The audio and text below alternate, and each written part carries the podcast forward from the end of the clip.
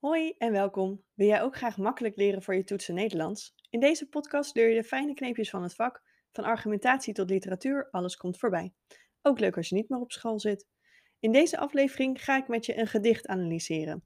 En dat doe ik eigenlijk in het kader van mondeling. Ehm, omdat uh, ja, in mijn mondelingen moeten leerlingen een gedicht analyseren. En ik zal met je de stappen doornemen uh, die je zet om een gedicht te analyseren. Um, ik vind zelf gedicht analyseren altijd een beetje spannend. Ik ben taalkundige. Dat betekent dat ik uh, afgestuurd ben in de richting uh, grammatica, uh, om het even in schooltaal te zeggen.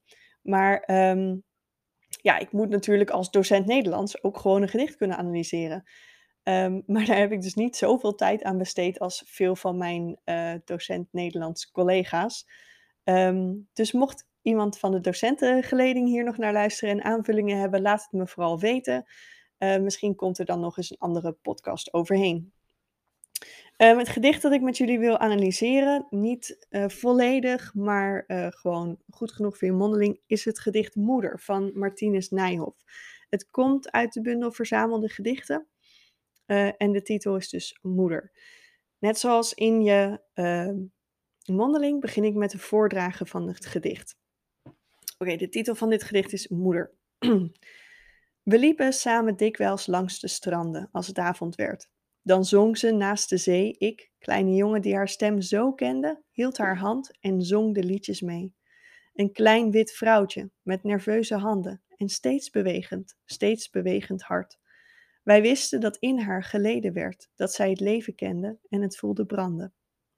Ze ligt in het graf met het gelaat naar boven. Donkere moeder, wieg haar lichaam warm. Zie, als een kind ligt zij naakt in uw schoot. Zachter dan het leven, zij haar eeuwige dood.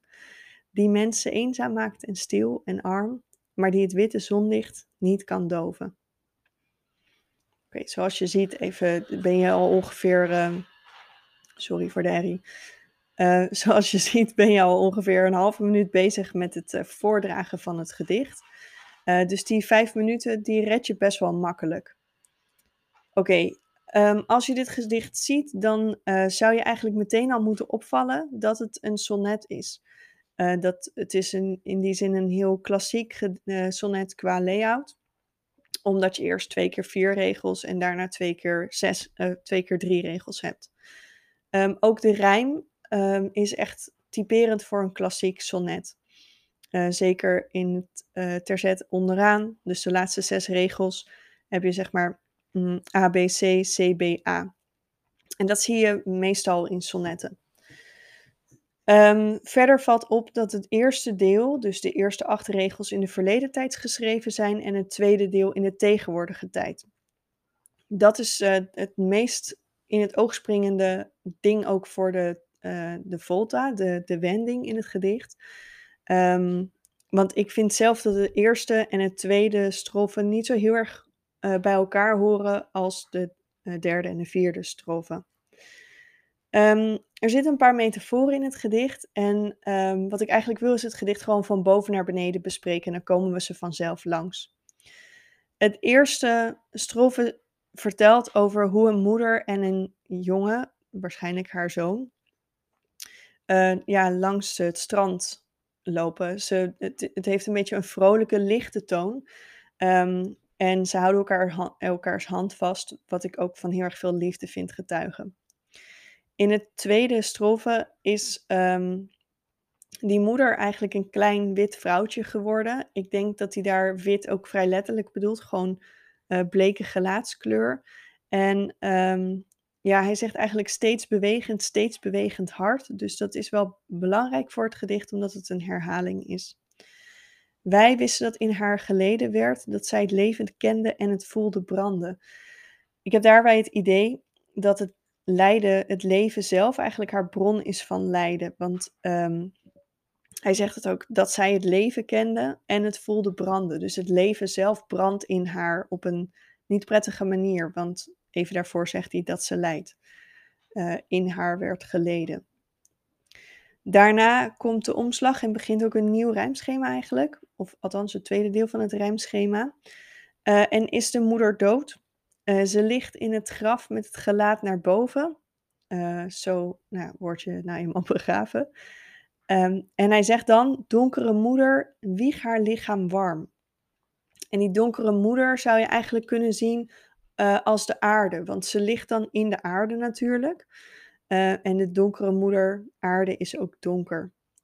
Uh, zie, als een kind ligt zij naakt in uw schoot. oftewel, als, een, als een babytje eigenlijk wordt ze weer begraven in de moederschoot, waarbij de moeder dus de aarde is. Alsof de aarde zwanger van haar is. En het wiegen is ook iets liefdevols weer naar de moeder toe. En dan niet moeder aarde, maar de moeder uit het gedicht. En het laatste stukje is eigenlijk weer een beetje hoopvol. Uh, zachter dan het leven, zij haar eeuwige dood. Oftewel, de dood is zachter dan het leven. En er zit ook een tegenstelling in deze zin. Het leven versus de dood. Dat contrast zie je hier heel erg terug. De dood, de eeuwige dood, die mensen eenzaam maakt en stil en arm. Wat eigenlijk weer een soort tegenstelling is, want even daarvoor uh, wordt gezegd dat het leven zachter is dan de dood. Dus um, wat hij daar eigenlijk zegt, die mensen eenzaam maakt en stil en warm, is opvallend, omdat het over de dood gaat, wat dus eigenlijk niet zo is. Misschien bedoelt hij daarmee bijvoorbeeld um, dat, uh, dat het voor de naambestaande vooral geldt. Uh, maar die het witte zonlicht niet kan doven. Dus zelfs wit zonlicht, iets blijs, iets luchtigs, iets lichts, uh, kan dat niet verhelpen. Um, nou, waar je het bijvoorbeeld over kunt hebben, vind ik, is maakt het die mensen eenzaam die achterblijven of maakt het degene die sterft eenzaam of is de dood zelf eenzaam? Um, je zou het nog kunnen hebben over uh, andere gedichten die over moeders gaan of misschien andere gedichten die hierop lijken. Um, je kunt nog iets zeggen over het rijmschema of over het metrum, maar zelf moet ik eerlijk zeggen dat ik dat meestal niet zo heel erg relevant vind. Um, maar vooral dus die donkere moeder als zijnde de aarde. Um, dat is wel een metafoor waarvan ik zou verwachten als docent dat je hem oppikt tijdens het lezen van dit gedicht. Het lezen van gedichten is niet makkelijk, um, maar als je het eenmaal door hebt, is het best wel leuk om te doen. Dus neem er voor je tijd. En als je er niet helemaal uitkomt, weet dan ook dat je.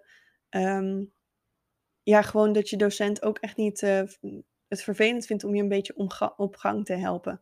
Als jij het rijmschema in ieder geval kunt zeggen, dan weten wij dat je in ieder geval iets uh, over ja, poëzie hebt gelezen. Uh, als je kunt benoemen of het een sonnet is of niet, dat vinden we ook leuk.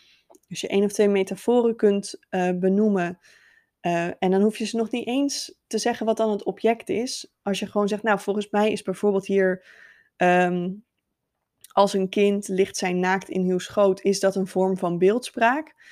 Um, dan kunnen we wel samen in een gesprek erachter komen wat dan precies die vorm is.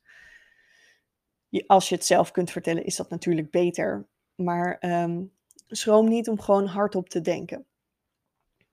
Oké, ik hoop dat het uh, lukt met je poëzieanalyse. En ik hoop dat je er hierin iets hebt, hieraan iets hebt gehad. Ik zal de tekst van het gedicht eventjes um, in de show notes zetten. um, en uh, ja, veel succes met voorbereiden. Dankjewel voor het luisteren.